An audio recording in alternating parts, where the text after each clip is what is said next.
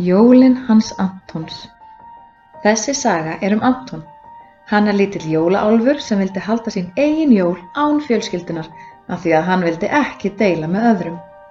Hann vildi ekki deila hrísgrunagrautnum, ekki jólatrínu og ekki jólagjöfunum. En heldur þú að það hafi verið góð hugmynd hjá Antoni?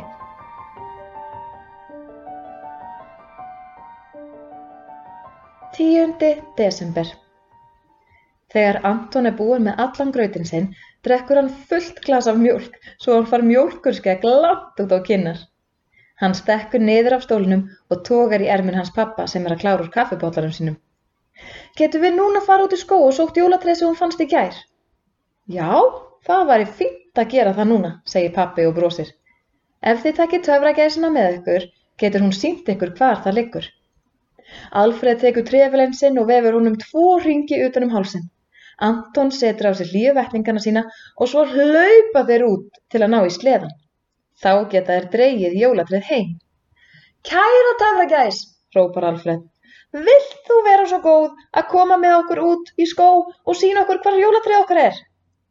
Gæsin var að fá sér með hænsnónum en hún kom strax hlaupandi. Pappi kemur út og horfir á strákana.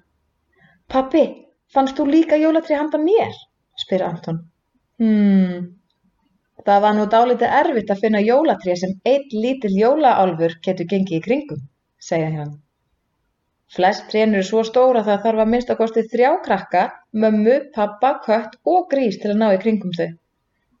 Anton stappa niður fætunum. Hann er reyður. Hvar á ég þá að raða jólagjöfunum mínum? spyr hann. Og hvar á ég þá að hengja köplóttu jólahjörtun mín?